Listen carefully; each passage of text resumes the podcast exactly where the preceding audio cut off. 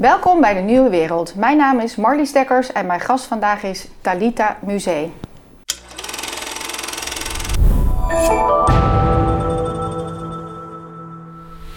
Welkom. Dankjewel. Dit komt zo'n te hectische dag. Ja, zeven uur ochtends eh, in Utrecht voor een dagvoorzitterschap. Dus, eh, Even landen, Even lekker landen met een kopje, kopje thee. Maar we gaan proberen een mooi gesprek eh, Ja. van te maken.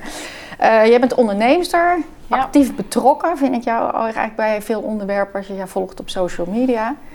Ja. Eh, master bedrijfskunde gestudeerd eh, en je studeerde af op duurzame leiderschap van de millenniumgeneratie. En ik vind ook dat je dat echt ziet in jouw ontwikkeling Ja. van jouw gedachten, ehm ja, waarover je opineert, waar je interesse ligt.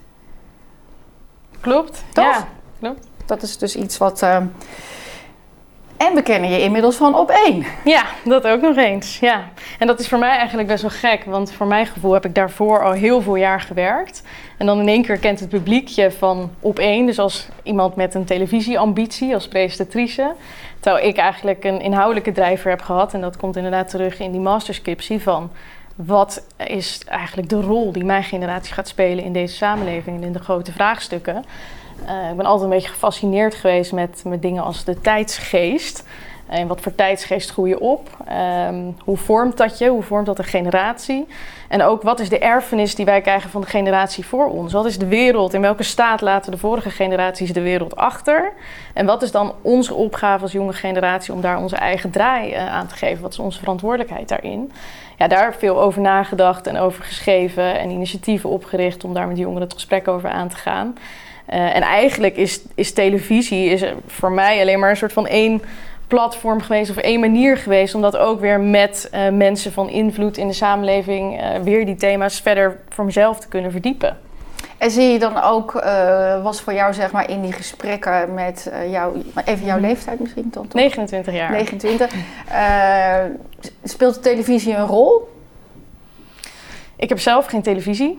Dus dat is ook wel, eh, eh, denk ik, typisch van mijn generatie. Dat zag je ook wel bij op één terug in die statistieken. Dat nou, gemiddelde leeftijd is ver boven de 60. Het kijkersaandeel onder, voor mensen onder de 30, nou, minimaal. Is minder dan 5% Ja, en in dat opzicht ben ik ook een, eh, typisch mijn generatie. Dat televisie gewoon veel kleiner een aandeel speelt. Wel toen ik opgroeide herinner ik me wel dat ik keek naar Barend en Van Dorp en naar eh Pauw en Witteman. En dat mijn eerste aanraking met politieke thema's en met dus de grotere, hè, het luik naar de grotere wereld.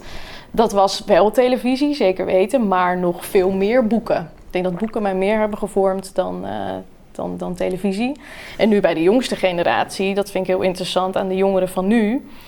Eigenlijk in de hele geschiedenis eh, zag je dat de content voor jongeren altijd door volwassenen werd gemaakt. Ieder kinderboek of in iedere Disney-film of The Lion King of ieder spelletje wat eh, werd ontworpen voor jongeren werd gemaakt natuurlijk door ouderen. Logisch, die bezaten de, de productiemiddelen om kinderencontent te maken. En nu zijn we voor het allereerst in de menselijke geschiedenis, en dat vind ik heel interessant, er zijn jongeren content voor elkaar aan het maken. Want iedere tiener, of eh, misschien nog jonger, met een smartphone, die kan een Iets filmpje maken. maken. en kan daarmee een leeftijdsgenoot inspireren, informeren, tot actie aanzetten, oproepen te demonstreren of te gaan ondernemen. Dus je hebt nu voor het eerst een generatie die eigenlijk buiten het zicht van de oudere generaties meer content produceren voor elkaar dan dat ze content tot zich nemen die gemaakt is door de oudere generaties. Dus we hebben eigenlijk helemaal geen controle meer over hoe die jongeren hun gedachtenvorming en hun wereldbeeld vormen. Nou, dat vind ik zo Nee, dat is heel razend interessant. Van Ik- hoe gaan zij dan Ja. tot de vorming komen van hun ja, intellectuele ide- ideeën, hun wereldbeeld, hun visie op de maatschappij. Ja, en dit- maar die, die scheiding tussen, ehm, tussen ouders en kind, ik, ik, nou, dat was, eh, ik weet niet, eh, acht jaar geleden of zo, toen had ik dan een show en je had natuurlijk altijd een gastenlijst met belangrijke mensen. en in één keer was dat dus overduidelijk een gastenlijst waarvan iedereen bijvoorbeeld boven de 35 het ene deel niet kende Ja, en iedereen onder de Ja. 35 het andere deel niet kende. precies. Eh, dus bijvoorbeeld, eh, mijn jong, die jongeren die bij mij werkten, wisten echt helemaal niet wie Kluun is of Helene van Rooij of Saskia Noord, Nee, zeg maar. Weet nee. je dat. En ehm, de jongeren, die hadden allemaal ja, bloggers, vloggers, influencers. Eh, eh, ik zou de Precies, van zeg hele maar andere werelden. Hey, het- twee verschillende werelden. Maar het interessante is ook altijd dat eh, een goede vriend van mij kwam pas op dat inzicht en toen dacht ik, zo is het.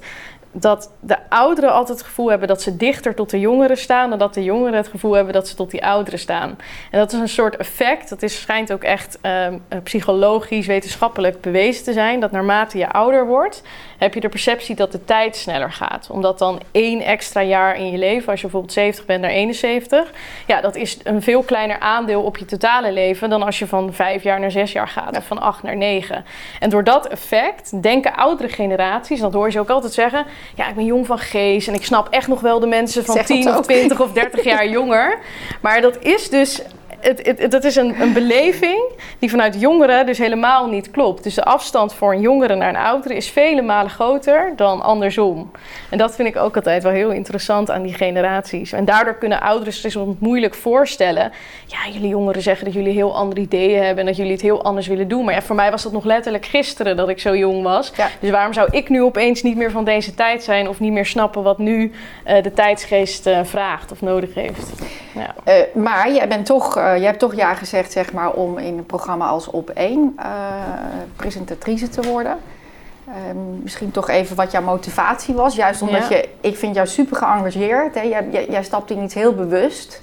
Uh, dus wat was jouw bewuste overweging zeg maar, om daar toch een beetje licht format, ja. niet gelijk altijd de diepgang zoekt, om daar toch ja op te zeggen? Ja, het, het zijn meerdere dingen. Um, ik moet ook eerlijk zijn met mezelf dat het ook ambitie was. En ook dat de verleiding van. Er ook wel een eer. De eer. De verleiding ja. van op een, op een groot podium willen stappen. Het geeft een bepaalde bekendheid. Er zit een bepaalde status omheen. Ik ga hier niet zitten doen alsof ik alleen maar nobele motieven heb en niet uh, vatbaar ben voor dat soort gevoelens. Dus natuurlijk vond ik het ook dat ik dacht: oh ja, weet je, interessant en uh, laten we dat eens doen. Uh, ik heb ook altijd wel heel erg gezegd: van het is mijn visie dat ik vind dat jongeren mee moeten kunnen doen in de Champions League. Want mijn initiatieven zijn altijd gericht geweest op jongeren ook plaatsen in de boardroom van organisaties. Ja. Dus vanuit diezelfde visie dacht ik: ja, klopt het? Waarom zou ik dan tegen mezelf gaan zeggen dat ik te jong ervoor ben? Terwijl ik altijd anderen in platforms heb proberen te stimuleren van zet. Als je wordt gevraagd, altijd ja zeggen. Hetzelfde ook met vrouwen. Dat vind ik ook.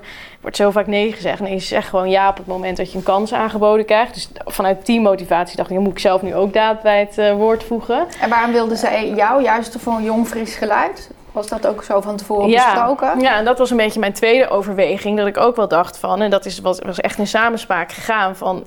kan ik dan vanuit mijn generatie ook een ander perspectief geven op de actualiteit? Dus ja, het is aan de ene kant... Uh, lichtvoetig in de zin van ja, je hebt maar 10, 15 minuten per item. Maar aan de andere kant is het ook een mogelijkheid om met de kopstukken uit het nieuws te praten.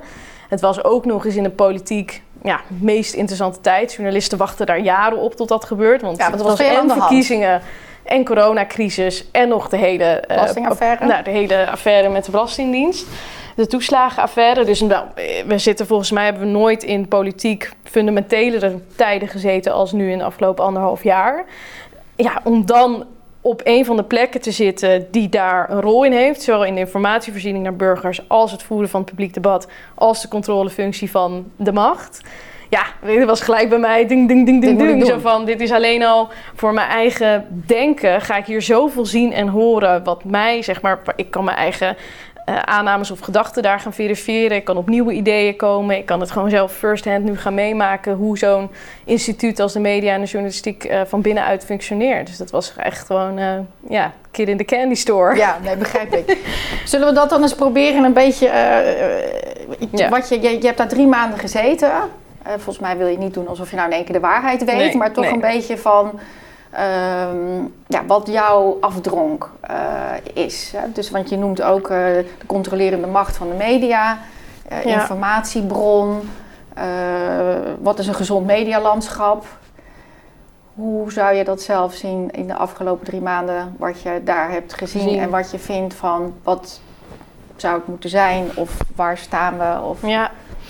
Nou ja, ik vind het fijn dat je dat vraagt. Omdat ten eerste wat ik heel erg merk is dat sinds ik daar ben opgestapt... zijn heel veel mensen vooral geïnteresseerd in de ophef en in de rel. Van wat vind je van Sven, wat vind je van Bert Huisjes, wat vind je van die en die.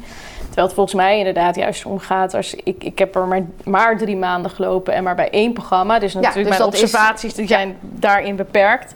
Aan de andere kant geloof ik ook wel, als je ergens een nieuwkomer bent... dan zie je juist eigenlijk, hé, hey, wat is dit eigenlijk normaal of niet? Je ziet de patronen. de patronen, die mensen die daar misschien al twintig jaar werken bij zo'n omroep... of bij zo'n redactie niet meer zien. Ja, ik ben van sommige, ja, als ik heel eerlijk ben, ehm, er is onwijs veel professionaliteit. Hele hardwerkende mensen, superleuke dynamiek om, om mee te maken, bijzonder. Maar over wat meer wat ik net zei, dat, dat hoeder zijn van de democratie, de controlefunctie van de politiek, heb ik wel dingen gezien. En, sommige van die dingen die zijn al door heel veel mensen geanalyseerd en beschreven. Maar dacht ik, ja, nu zie ik dat wel in, in werking. En dan maak ik me wel zorgen in zo'n politiek super fundamentele tijd voor waar we met onze samenleving naartoe gaan ja, voelde ik een ongemak. Ik voelde een ongemak bij mijn rol van ja, ik zit zo meteen aan het hoofd van een tafel waar een miljoen mensen naar kijken. Die krijgen een bepaalde indruk door wat wij hier doen. En ik weet gewoon niet of ik dan bijdraag aan een, aan een klimaat, aan een publieke opinie. Uh, en of ik voldoende uh, de tools nu in krijg aangereikt door de organisatie om een controlefunctie uit te oefenen op machtige mensen die bij mij aan tafel zitten. Waardoor ik het gevoel had van ja, ik ben meer een toneelstuk aan het faciliteren. Wat een beetje entertaining is, er leuk uit moet zien. Af en toe hier en daar een slim prikvraagje. Uh, maar dat is allemaal een beetje al binnen de lijn der verwachtingen waar iedereen aan meedoet. Maar is dit, heb ik nou echt het gevoel van nou, hier wordt fundamenteel een verschil gemaakt. Zowel aan de informatievoorzieningskant als aan die controlekant. Was dat, was dat anders voor jouw gevoel in de tijd van Sonja Barend? Of uh, wat je nog hebt gezien toen je jong was? Heb je het gevoel dat daar dan ja, dat meer is ruimte de Vraag, hè?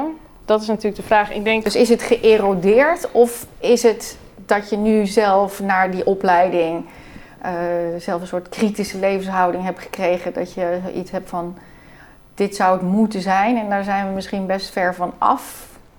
Ja, nou ja, kijk, als je, we hebben die boek op tafel liggen. Als je Wim Voerbans leest en je ziet gewoon hoe... Ja, die is hier ook geweest, maar toch eh, misschien Een paar honderd jaar lang in Nederland wel al het bestuurd wordt. Bestuurd worden. Bestuurd worden. Ja.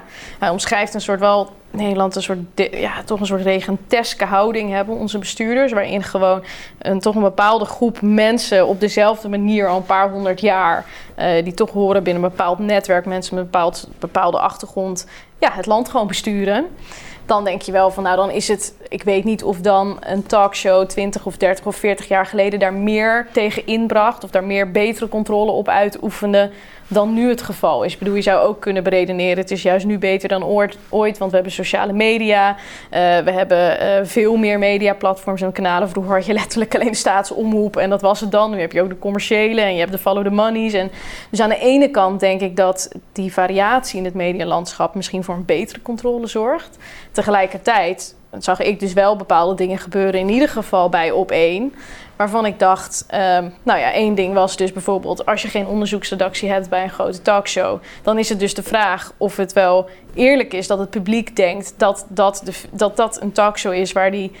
Uh, mensen op machtige posities op die manier aan de tand worden gevoeld? Of is het meer een entertainment? Ik ben toch wel zo naïef dat ik denk nou, dat zij dat, dat zouden dus ook. hebben. Dus dan is de vraag van, ze waren wij heel eerlijk, naïef? Wij hebben het niet. Hè? Dus de nieuwe wereld, wij hebben het niet. Nee. Dus wij, dat is, dus dat, Geen enkele talkshow, denk ik. Dat vind ik zelf, weet je, ook best soms wel eng. Maar je, je leest daardoor jezelf helemaal uh, links, rechts in om, om te proberen dat je geen eh, blinde vlekken hebt. Maar ik zou dus denken van een, een, een op één heeft, heeft daar wel de middelen toe. Ja, nou dat is dus niet zo. Maar misschien verwachten we dan ook te veel van de talkshows. Maar dan zou je moeten kijken, oké, maar de NPO heeft die taak denk ik wel. Dus waarom zijn er dan niet in de programmering uh, iedere avond televisieprogramma's... Uh, waarin die kopstukken uit het nieuws gewoon echt helemaal uh, door midden worden gezaagd... met een heel duidelijk deurbeleid aan de voorkant. Van hier worden ook geen afspraken gemaakt, niet over de tafelsetting... niet over de, welke thema's we wel niet mogen aanraken. Want dat maakt het ook voor mensen heel ontransparant. Die kijken ernaar en die denken, oh,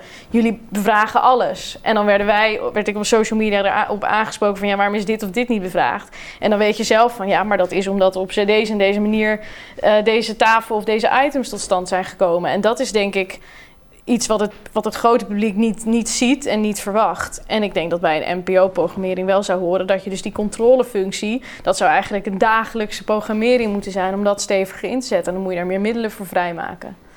Ja. En dat is dus echt een een gemis. Dat is denk ik wel echt een gemis. Ja, zeker. Ja. En is het. Uh, kijk, toen we elkaar spraken, toen zei jij ook van ja, de, in, in, het voorgesprek van het zijn de jongere kijkers die, die kijken niet. Hè? Dus 70% is uh, boven de 50.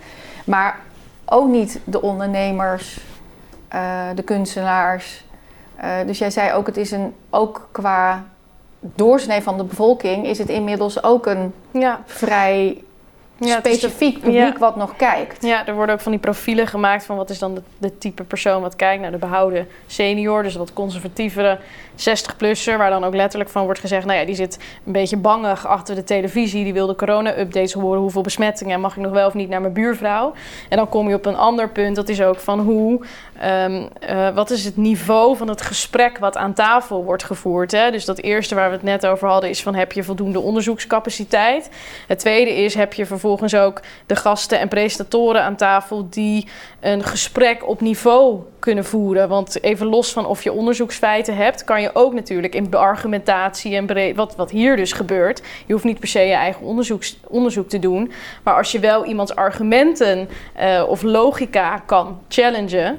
Uh, omdat je daartoe geëquipeerd bent, dan uh, kan je ook eruit halen van hey, is dit wel of niet een logische denklijn of onzin of zit diegene me nu een beetje voor de gek uh, te houden.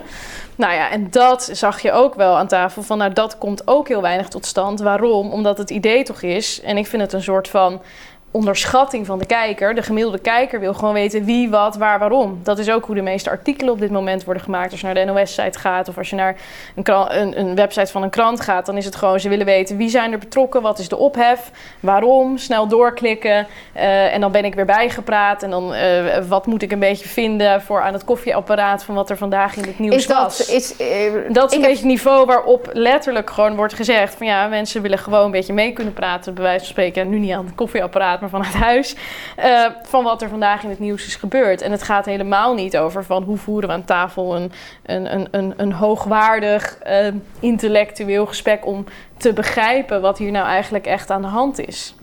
Wat is dan het verschil eigenlijk? Want hè, wat jij noemt het woord gesprek. Dus wij zeggen hier ook altijd bij de nieuwe wereld: hè, gesprek in de tijd van de verandering. Ja. Uh, wij willen ook echt een gesprek in plaats van dat je de rol van de interviewer ja. hebt.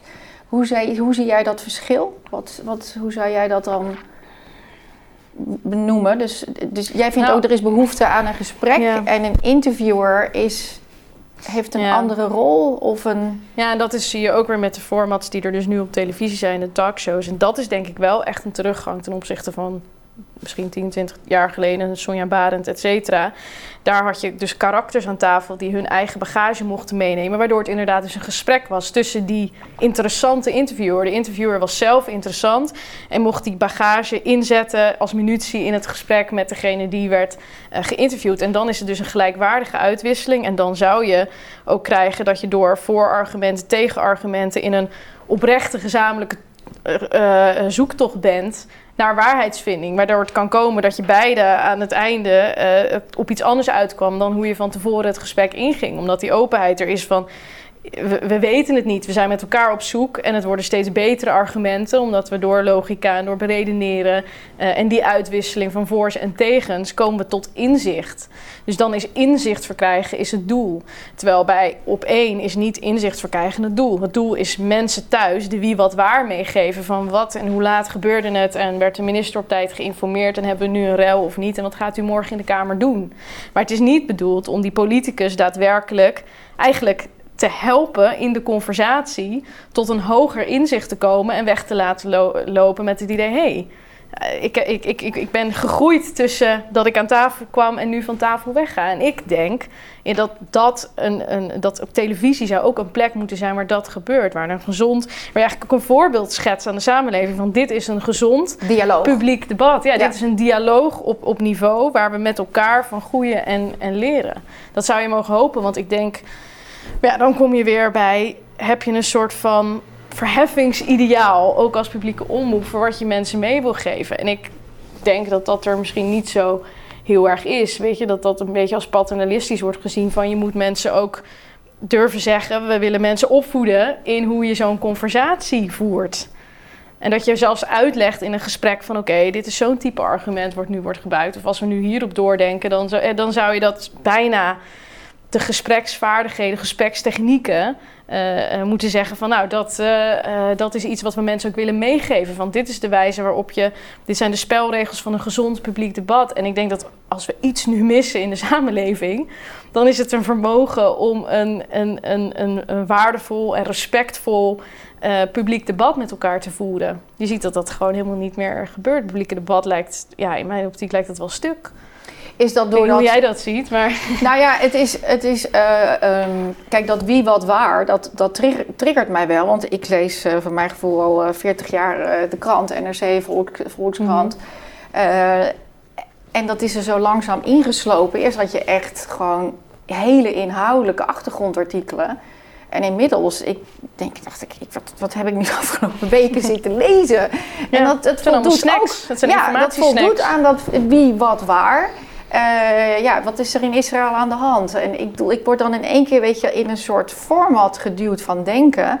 Waarvan ik ook wel voel van, wow, dit is niet goed voor mijn hersens. Want daar word ik zelf absoluut niet Nee. slimmer van. En ik word ook niet getriggerd om na te denken. Dus is ook Ja, de rol van de kritische. ik- eerst als ook de, als je dan zegt een gesprek, maar de journal- journalist voor mij was. Ik ben geboren in 65, een andere generatie Mhm. van jou, maar voor, voor mij was altijd de journalist kritisch. En weet je wel, die was goed geïnformeerd, kritisch. En had een grondslag van: klopt dit wel? Nou, vond ik soms ook wel irritant, maar in ieder geval, dat was zeg maar wel een beetje zo waar je naar zat te kijken. Ja. Ehm, en met dat wie wat waar is het veel meer, nou ja, in ieder geval niet confronterend. Of Nee. je, het, het is ook niet zoeken naar van klopt wel wat diegene zegt. Maar misschien is dat ook echt het effect geworden, zit ik me nu te bedenken hoor, van televisie. Want ik geloof wel dat we in de journalistiek in Nederland echt nog heel veel journalisten hebben die gewoon heel goed werk doen. Die bezig zijn met onthullingen en met onderzoeken. En dat, dat zie je ook, dat dat er gewoon echt is. En daar geloof ik ook gewoon echt in. Dat dat, eh, dat dat redelijk goed functioneert. Ik denk alleen dat het effect van televisie, daar hadden ook pas eh, Xander van der Wulp en Joost Vullings in hun eigen podcast ook van gezegd. Het zo, ik ga minder vaak aanschuiven bij Taxus bij op één. Want je vervalt ook in een soort van verslaggever inderdaad van een voetbalwedstrijd. Van dit gebeurde er dat en dit en dit en dat. Je gaat je begeven op, op, op, op, een, op een terrein waarbij je eigenlijk een soort van... ehm, ja, eh, ehm, devaluatie van je, van, je, van, je, van, je eigen, van je eigen kritische rol. En dat is gewoon omdat dat effect van televisie eh, en in dat soort snelle formats, dat is eigenlijk, dat leent zich ook gewoon niet in de huidige opzet voor dat diepgaande eh, kritische gesprek. En ik denk dat het ook zorgwekkend is. Nou ja, en dan komen we bij, denk ik, bij Nussbaum, omdat die gewoon zegt. Misschien even goed ehm, ook. ja, ja, je hebt wat boeken meegebracht. Vond ik Ja, leuk om even leuk eh, voor mensen die gewoon wel even lekker lekker. hun tanden ergens in eh, willen zetten. Martin Neusbaum. Niet voor de winst. Ja, nou ja, wat zij hierin schrijft is van ja, de democratie is natuurlijk niet een gegeven. Het is een staatsvorm die veronderstelt dat de mensen ook die staatsvorm kunnen dragen. Dus het is niet alleen maar iets wat op theorie, hè, in theorie op papier bestaat, die instituties. Je Ehm, moet hem ook invullen. mensen, ja, je- hij is, af- het is afhankelijk van zelfstandige, kritisch denkende mensen. En dat is ook een heel belangrijk aspect eh, in haar boek, die zich ook kunnen verplaatsen in een ander. Dus die medemenselijkheid kunnen tonen. En waarom is het zo belangrijk dat je kan inleven van hey, iemand anders in een andere positie in de samenleving heeft een heel andere levenservaring en een beleving van de maatschappij. Is het op een ander eh, startpunt misschien of een ander uitgangspunt eh, geboren of gestart in deze samenleving dan ik je moet kunnen opbrengen dat je elkaar kan begrijpen, elkaars redenen, elkaars argumenten. Ehm, en we hebben alleen een gezonde democratie op het moment dat we ook in staat zijn als burgers, dus dat, dat op te kunnen brengen. En dat is dus En eigenlijk. dat is die tegenmacht te vormen ja, dat ook. is eigenlijk dus ook een tegenmacht. Kritisch, eh, zelf nadenkend en medemenselijkheid kunnen opbrengen. En zij zegt van ja, dat begint al eigenlijk in het onderwijs. Dat begint in, eh, bij lessen filosofie, geschiedenis, cultuur, maar ook in gesprekstechnieken, in burgerschap, in eh, hoe, hoe, hoe voer je een, een gesprek met elkaar. Empathisch vermogen, dat zijn echt dingen waarvan ze zegt het moet niet een beetje van je karakter afhangen of van het gezin waarin je wordt geboren of je dat wel of niet ontwikkelt. Van een paar mensen die filosofie studeren. Iedereen zou dat in een soort basis burgerschapsvorming moeten hebben. Want als je dat dus niet doet, ja, dan krijg je dus dat mensen in hun eigen eh, eh, bubbels gaan en naar elkaar schreeuwen, elkaar niet meer begrijpen. Ehm, en daarmee dus die, die democratie eigenlijk niet meer kunnen dragen. Dus de instituties zijn er wel. Dat is ook net wat een Pieter om zich zijn. Op papier zijn ze er wel. Maar als de mensen die in die instituties werken er niet naar handelen, in de geest ervan, en ook niet die geest begrijpen, niet voelen, ja, dan, heb je, dan zijn ze op papier. Dan staat het op papier. En ik denk wel dat dat is wat we nu aan het, eh, waar zij ook voor waarschuwt, wat we nu zien. Dus we hebben het perfect op papier leven in een perfecte democratische samenleving met fatsoenlijke instituten en hebben we allemaal rechten en is het perfect. En dat is, we, leven ook in een super gezegend land. Maar het gevaar is wel dat als we, als we ze voor lief nemen en niet worden opgevoed of opgroeien in die geest van die vrijheden en wat het dan betekent, ja, dan, uh, dan kunnen we het niet, dan kunnen we er niet naar handelen, er niet naar leven. Hebben we het te, te technocratisch? ingericht. Dus dat je zegt, het is wel op papier of het, het lijkt te werken, maar macht tegen macht werkt niet. Je, je noemt nu ook even Pieter Omzicht en je noemt eh, onderwijs. Eh, dus het is een breder iets, lijkt macht tegen macht. Het, het, het, komt nu in één keer eh, op meerdere punten omhoog. Het is natuurlijk steeds meer mensen, zeker op social media, beginnen toch, erover, ja. beginnen toch zich ernstig zorgen te maken van, over de media. Van ja, wat wordt, wordt mij nou voorgeschoteld? Uh, vertrouwen ik niet meer? Ehm, maar is het niet zorgwekkend dat we het ook nu pas eigenlijk over die macht en die tegenmacht en al die dingen die zijn de, de laatste tijd naar boven zijn gekomen, bestuurscultuur, de democratie, de democratische rechtsorde, wat betekent dat dan? En dat je dan echt eigenlijk nu politici ze denken van... hé, hey, maar ja, wat betekent dat eigenlijk? Wat is dat eigenlijk? Maar dat is wel het systeem wat waar zij uitvoering aan geven. Dat is waar zij middenin staan. Dat is, dat, dat ja, dat is natuurlijk dat Rutte zelfs de, niet eens wees dat de ombudsman eigenlijk al die rol had, zeg Precies, dat is best wel dat je denkt van... oké, maar dat is eigenlijk wel de basis. En dat, ik denk dat dat iedereen kan overkomen. Dat als je ergens gaat werken, dat je dan niet helemaal weer de hele geschiedenis gaat ophalen. Wat zijn eigenlijk de, wat is het eigenlijk het fundament?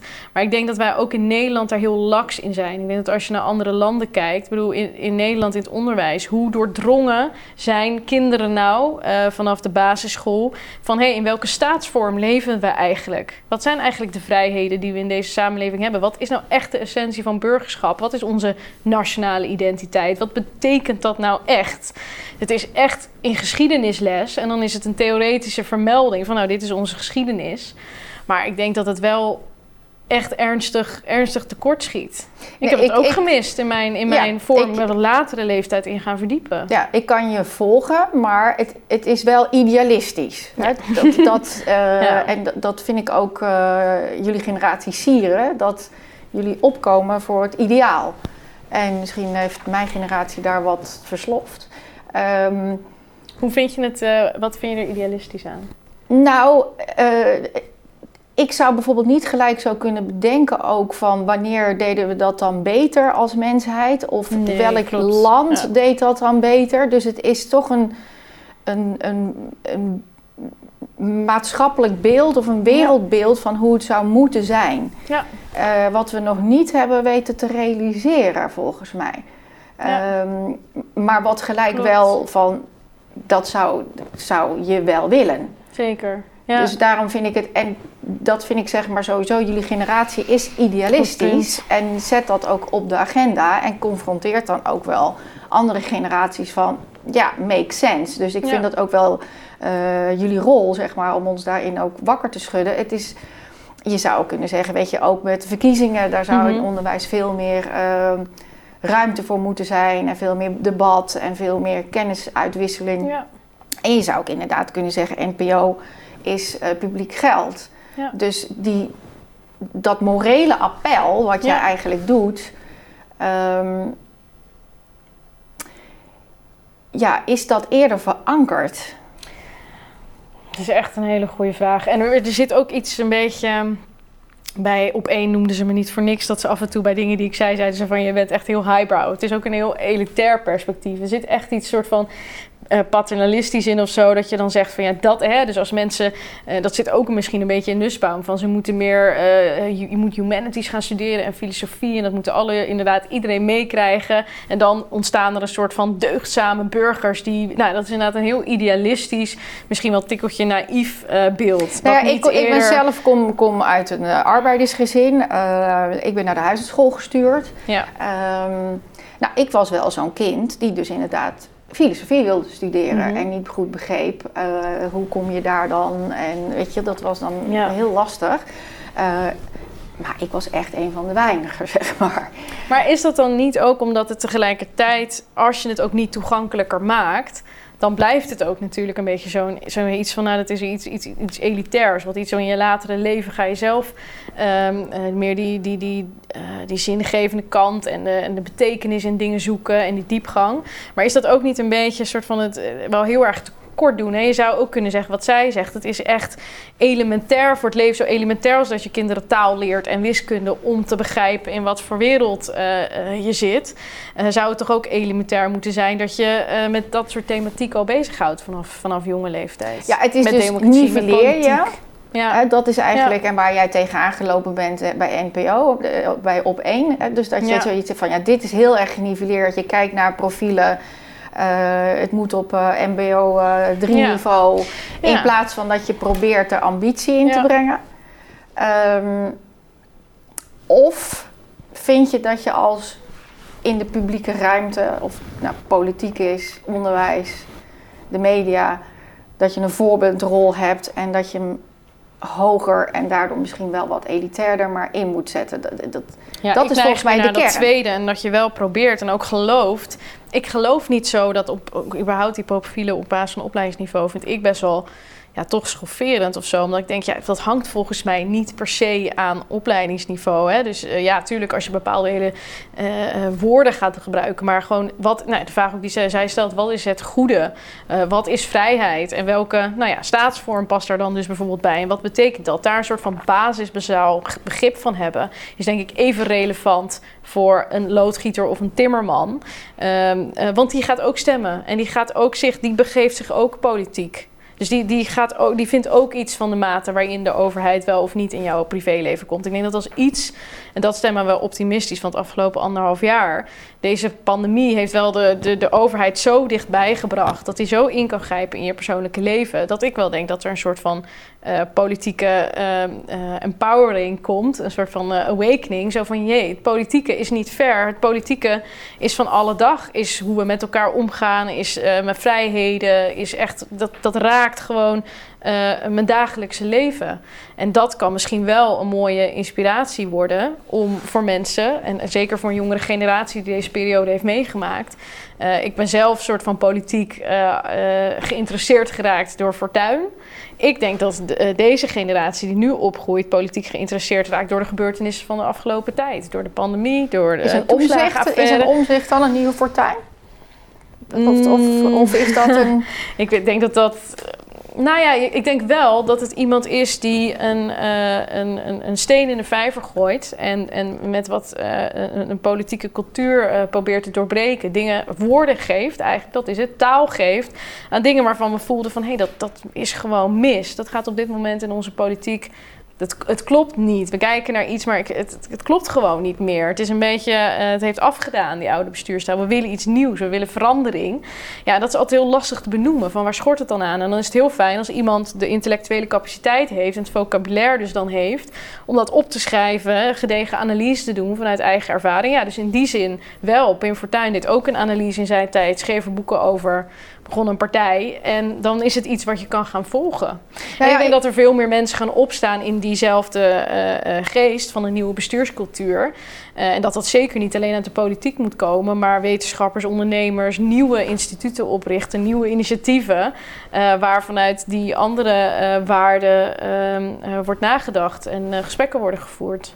Nou ja, ik vind jouw nieuwsgierigheid naar van hoe verhoud ik me als mens in dit tijdsvak tot mijn, Ja, tot mijn geschiedenis, het vak wat ik ga maken. Ik vind dat zelf ook altijd een hele interessante van ook als ondernemer, welk product maak je? Resoneert dat in de tijd? Of kan je mee de tijd vormgeven? Ik heb altijd eh, grote ambities dat ik mee de tijd wil vormgeven. ja. Ehm, en ik denk dat jij ook zo bevlogen bent, hè, van je wil hem begrijpen, je wil hem mee vormgeven. En gewoon doorgronden van eh, waar sta ik? ja. Waar En- kom je vandaan? Wat is er allemaal hier voor ons door andere generaties gedaan? En op welk punt moet je het, eh, het stokje over gaan pakken? Dus historisch besef. Ja. Ja, is heel belangrijk. Dus Ja. als je dan, eh, jij werd zelf zeg maar heel erg aangesproken door Fortuin en dan nu omzicht. Hoe zou je, wat maakte in jou wakker van, wat Fortuyn zei van dat je dacht, ja, dit resoneert? Het was vooral de stijl. Het was echt gewoon vooral de, het, het mega Bravoer? flamboyante, het bravoure, het, het, het niet praten met meel in de mond. Ik denk dat dat ook een diepte, diepe behoefte is. Dat- street? Wordt, ja, dat wordt dan gelijk populisme genoemd. Ik denk dat, eh, ja, oké. ehm, ik, ik denk dat het altijd goed is als je probeert te begrijpen van wat, wat, wat, wat willen mensen. En spreken we nog wel eh, eh, de taal van wat er in de samenleving eh, gebeurt en, en speelt. Dus een beetje tegen juist het hele regenteske. Eigenlijk voldoet hij totaal niet aan de kwalificaties. Voldeed hij niet aan de kwalificaties voor in hoe je in Nederland een goede bestuurder wordt. Wat, wat Wim Voermans Precies, die heeft dat, dat penta, eh, hoe heet het, pentagram van capaciteiten. Namelijk dat je neutraal moet zijn en boven de partijen moet staan. En dat je niet te emotioneel bent. En eh, nou, dus een bepaalde eh, afstandelijke houding hebt ten opzichte van de materie. Altijd bereid bent om compromissen te sluiten. Dus altijd bereid te polderen. Nou, volgens mij was Fortuyn... Die, de- die deed alsof hij heel compromisloos was. Dat was hij volgens mij helemaal niet. Volgens mij was hij heel bereid pragmatisch samen te werken. Maar hij deed in ieder geval aan de voorkant alsof hij heel compromisloos was op sommige punten. En met een gestrekt been eh, erin ging. En dat is eigenlijk heel on-Nederlands. Past niet heel erg in onze politieke cultuur. En daarom sprak het me denk ik Ja, juist en waarom past dat niet? Omdat we elkaar altijd weer opnieuw tegen kunnen komen. Klein land, Ja, eh, ja. eh, polderen, pragmatisch. Precies, een klein land. Je moet niet je, niet je, je bruggen verbranden.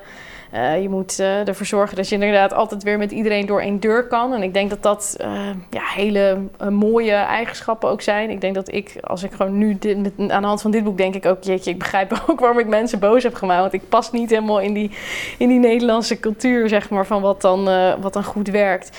Maar wat er zonde aan is, is dat je dan dus niet de randen opzoekt van het denken. En dat is natuurlijk wel wat Fortuyn deed. Dus als je altijd probeert iedereen te vriend te houden in een conversatie...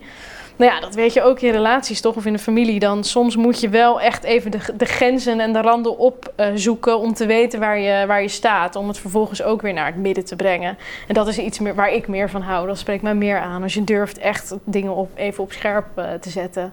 En dat maar wat is, ik zo... Kijk, een omzicht eh, is weer totaal anders dan een Pim Fortuyn. Ja. Maar eh, het, emotionele en de, de, de authenticiteit, vind ik, die hij oproept... ehm, vind ik heel fascinerend. En ik heb Ja. het gevoel dat het een soort... Maar, ja. voorbode is of zo wat gaat komen. Omdat het. ehm, Ja, maar ook je gelooft heel veel niet meer. Weet Ja. je wel? Dus wat, wat, de, wat je ook dus op social media ziet. Mensen geloven de NOS niet meer. Mensen, mensen geloven wetenschappers niet meer. Ja. Experts is Ja. geërodeerd. Ehm, wat natuurlijk heel gevaarlijk is. Hè? Dus dat Mhm. is, mensen geloven poli- politici niet meer. Daarnaast is social media kan, kan groeperingen zeg maar bundelen en eh, ja, op gang krijgen. En Pieter Omzicht vertegenwoordigt iets bijna tegenovergestelde van, van dat establishment. Authenticiteit, ervoor gaan, emotioneel, eh bijten Ja. in de materie. Ja. Dus hoe, hoe vind jij dat dat zich verhoudt tot waar we nu staan? Met jouw sensor en nieuwsgierigheid. Ja, ik denk wat, wat, wat hij ook doet, en dat is denk ik waar de jonge generatie heel erg behoefte aan heeft, is dat je hè, ehm, ziet waar iemand persoonlijk eh, voor staat en hoe iemand gevormd is en wat iemand zijn principes zijn. En ik denk dat we nu uit eh, een periode van leiderschap zijn gekomen van de voorgaande kabinetten Rutte en ook de kabinetten Balkenende, waarin het, het pragmatisme en dus weinig visie, maar wel eh, het land managen op goede economische resultaten. Dat was ook heel interessant in het interview met Rutte, dat hij eerste waar hij zich continu op beroept, ook in de Kamer, is van ja, maar Nederland financieel supergoed afgeleverd. En dat is ook waar, daar verdient hij ook eh, kudo's voor. Nederland is als een van de beste landen deze crisis ingegaan, daarom ook al die steunpakketten. Maar er is ook een ander, ons leven is niet alleen maar de economie, is ook de betekenis, is ook waar gaan we naartoe, waar in deze samenleving, wie zijn Nou, hij we? wilde ook juist geen visie. Hij hè? wilde ook juist Dat- geen visie. En die opdracht heeft hij eigenlijk heel goed Ja, gedaan. en daar dat binnen, hij ook, dat binnen, zit in de weg en Precies. dat is alleen maar lastig. Binnen die taakomschrijving verdient hij een, een 10. Maar het, het leven is natuurlijk veel meer dan ons bruto nationaal eh, product. Het is ook van eh, wie we zijn en alle andere waarden. En daar zijn we nu in deze crisis versneld achter gekomen. Wat een betekenisvol of een waardevol leven is eh, en welke dingen we misschien niet meer willen.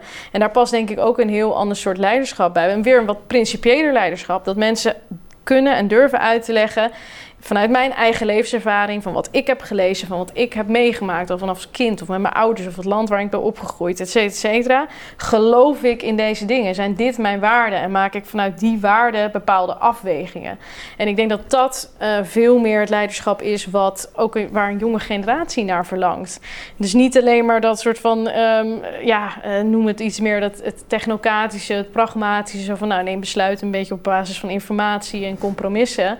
Nee, ik neem besluiten omdat ik echt de ene waarde belangrijker vind dan de andere. Dat ik echt een voorkeur heb. Nou, er is een soort waardehierarchie. Ik heb echt een voorkeur voor de ene waarde boven de andere.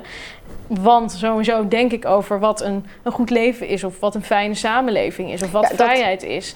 En dat vind ik ook weer idealistisch. Ja. Dus ik zeg dus niet daardoor slecht, maar ik vind het idealistisch. En ik denk gelijk, kost veel tijd. Ja, Hmm, weet ik niet. Ik denk dat we gewoon verleerd zijn om een, een, een, gesprek te voeren op basis van, van waarden in de politiek. Ik denk dat we dat, dat, we dat echt. Nee, maar denk, denk jij ook niet dat dat er een beetje ingeslopen is? Dus de tegenmacht, en macht-tegenmacht, is een beetje weggedrukt, weggepolderd. Daardoor kon er ook snelheid gemaakt worden. Dus bij, weet je, als je dus als er ruimte is voor macht tegen macht. Ik zeg dus niet dat ik er tegen ben, maar dat kost vaak ook meer tijd. Ja, dat weet ik niet. Want je ziet wel dat op, op sommige dossiers we juist helemaal tot stilstand zijn gekomen. Het pensioendossier heeft echt gewoon meer dan tien jaar volgens mij stilgestaan. Op klimaat bereiken we. Op een gegeven moment krijg je namelijk een, een uitonderhandeling van allerlei kleine maatregelen. Van gaan we nou wel of niet zo hoog die CO2-prijs of het rekening rijden of uh, de stikstof. Nou, en dan, dan wordt het dus een, een technocratisch compromis zoeken. Terwijl het in die opgave juist gaat. Bij pensioenen gaat het over wat is een eerlijk, rechtvaardig pensioenstelsel voor alle generaties. Dat is een waardevraag. Hetzelfde voor klimaat. Hoeveel van de kosten, nou, ten eerste, hoeveel schade mag onze levensstijl uh, veroorzaken aan de natuur en aan biodiversiteit en aan dieren? Hebben die rechten, hebben die waarden, hebben die recht op dat hun uh, uh, wereld intact blijft? Dat is, een, dat is een normatieve opvatting. En dan vervolgens ook nog vind je dat je wel of niet de rekening dan daar eventueel aan volgende generaties kan toeschrijven. Ja, maar daar zijn we dus niet dat uitgekomen. Is een waardegesprek. Ja, dus een waardegesprek ja. zijn we niet uitgekomen de afgelopen 10, 20 jaar. Dat hebben we als een hete aardappel voor ons uitgeduwd. Ja. Maar omdat het niet kon of omdat we niet de leiders hadden die dat niet aandurfden? Gewoon niet het type leiders. Ik denk dat het die niet dachten, paste in, in, in, in dat technocratisch denken. En dus je en moet een visie hebben. En in de tijdsgeest van die tijd. Want toen was het natuurlijk ook wel, misschien de jaren 80, 90... van nou, als we het, zolang we het maar onderbrengen onder de markt... Uh, en het op een economische manier benaderen en dat zit nog steeds ook heel erg in het klimaatdebat. Nou, dan komt er dus vanzelf wel een prijs voor vervuiling. En dan, hup, dan regelt, reguleert de wereldmarkt wel dat op een gegeven moment er een prikkeltje ontstaat om te gaan verduurzamen. Maar dat is nog steeds een economische manier van denken ernaar. En ik ben inderdaad wel zo idealistisch dat ik dan denk van het is nu tijd om, um, om mensen te hebben die op een waardeniveau.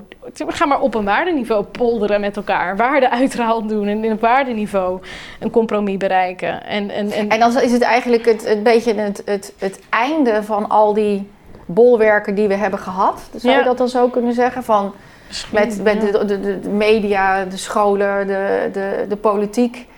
Dat we die technocratisch hebben aangestuurd en dat er nu veel meer behoefte komt, omdat we er ook niet uitkomen, omdat er nu die problematiek ligt aan andere type leiders, die dus uh, vanuit visie uh, leiden. Ja, maar ik vind ook een GroenLinks en zo komt daar toch niet helemaal goed uit. Nee. nee omdat die misschien ook heel erg blijven hangen in een soort van kritiek op van nou, hè, dat kapitalisme en dat neoliberalisme, dat is slecht. Uh, dat is een, een, een, een, medicijn. We hebben dat, dat prijsprikkel en dat marktmechanisme hebben we proberen op alle publieke sectoren toe te passen. En dat is echt gewoon wezenlijk slecht, want kijk nu de problemen die we nu hebben. Ja, en dan blijf je een beetje toch, dan blijf je nog steeds zeg maar reageren op dat oude. Van nou, dat is allemaal misgegaan. Maar ja, wat is dan, hè, wat, wat is dan het nieuwe? Wat is dan het nieuwe plaatje? Wat mag het je dan kosten als je eerlijk bent, uh, de zorg? Want als je het helemaal overheidsgeorganiseerd doet, ja, dan heeft dat ook een enorm prijskaartje. Maar dat mag. Maar dan moet je het over die waarde hebben. Van mag, je, mag, je, mag dat het allerduurste zijn? Mag daar zoveel procent van je inkomen naar inderdaad klimaat gaan en naar de zorg? Omdat we nou eenmaal vinden dat dat voor iedereen gratis en publiek toegankelijk moet zijn. En daar moet je dan een eerlijk uh, debat met elkaar over hebben. En wat je nu toch wel vaak ziet gebeuren, vind ik, is dat links een beetje blijft hangen in van, nou ja, die kapitalisten die hebben heel de aarde verkloot en die hebben de zorg uitgekleed en de publieke sector uitgekleed. Ja, oké. Maar als je het op een andere manier organiseert, ja, dat betekent ook iets. En ik denk dat dat misschien nog onvoldoende, dat ze daar onvoldoende uh, in dat nieuwe verhaal uh, gaan staan. Wat inspireert, we zijn helaas wel door de tijd, tijd heen. Wat inspireert de jongere generatie, denk je nu, om mee te gaan doen uh, in de media, universiteiten, onderwijs, hmm. politiek? want ik bedoel dat. De, we hebben ook nieuwe mensen nu nodig. Kijk, wat er veel gezegd wordt ook over Rutte. Ja, wie gaat het dan doen als hij het niet doet? Wie gaat het dan doen? Heel bekend. Ik denk dat er heel veel dingen zijn die echt onwijs inspireren. Ik, bedoel, ik denk dat deze politieke situatie, dus wat ik denk onwijs inspireert. Wat mij ook fascineert is dat mijn generatie en de, de, de nog jongeren die opgroeien zijn uh, de meest diverse generatie. Als het gaat over culturele achtergronden, ja, dan uh, hebben we de meest uh, cultureel diverse jongere generatie. Die dus een soort van mix hebben aan culturen en invloeden is echt super interessant. Wij komen beide uit Rotterdam, hè? dus precies, dat, hebben wij gewoon, dat zien wij daar gebeuren. Die smeltkoes en die jonge generatie, hoe gaan die uh, soort van het beste vinden van verschillende werelden, van hun cultuur, van hun ouders en grootouders en de Nederlandse cultuur? Wat wordt die, wat wordt die mix? Ik, ik ben daarin ook een idealist. Ik geloof al die problemen die er zijn, die gaan we tegen het einde van de eeuw echt te boven zijn gekomen en echt die verrijking van diversiteit uh, ook zien. Uh, dit, ik geloof heel erg in. Um, even te laten zien. Stefan Zwaag aan de Europeanen van vandaag en morgen. Was ook een mega idealist die tussen de Eerste en de Tweede Wereldoorlog echt geloofde. Nu ontstaat er een soort van wereldburgerschap uh, in 1930. Nou, dat liep vervolgens kwam nationalisme op en was die droom weer weg.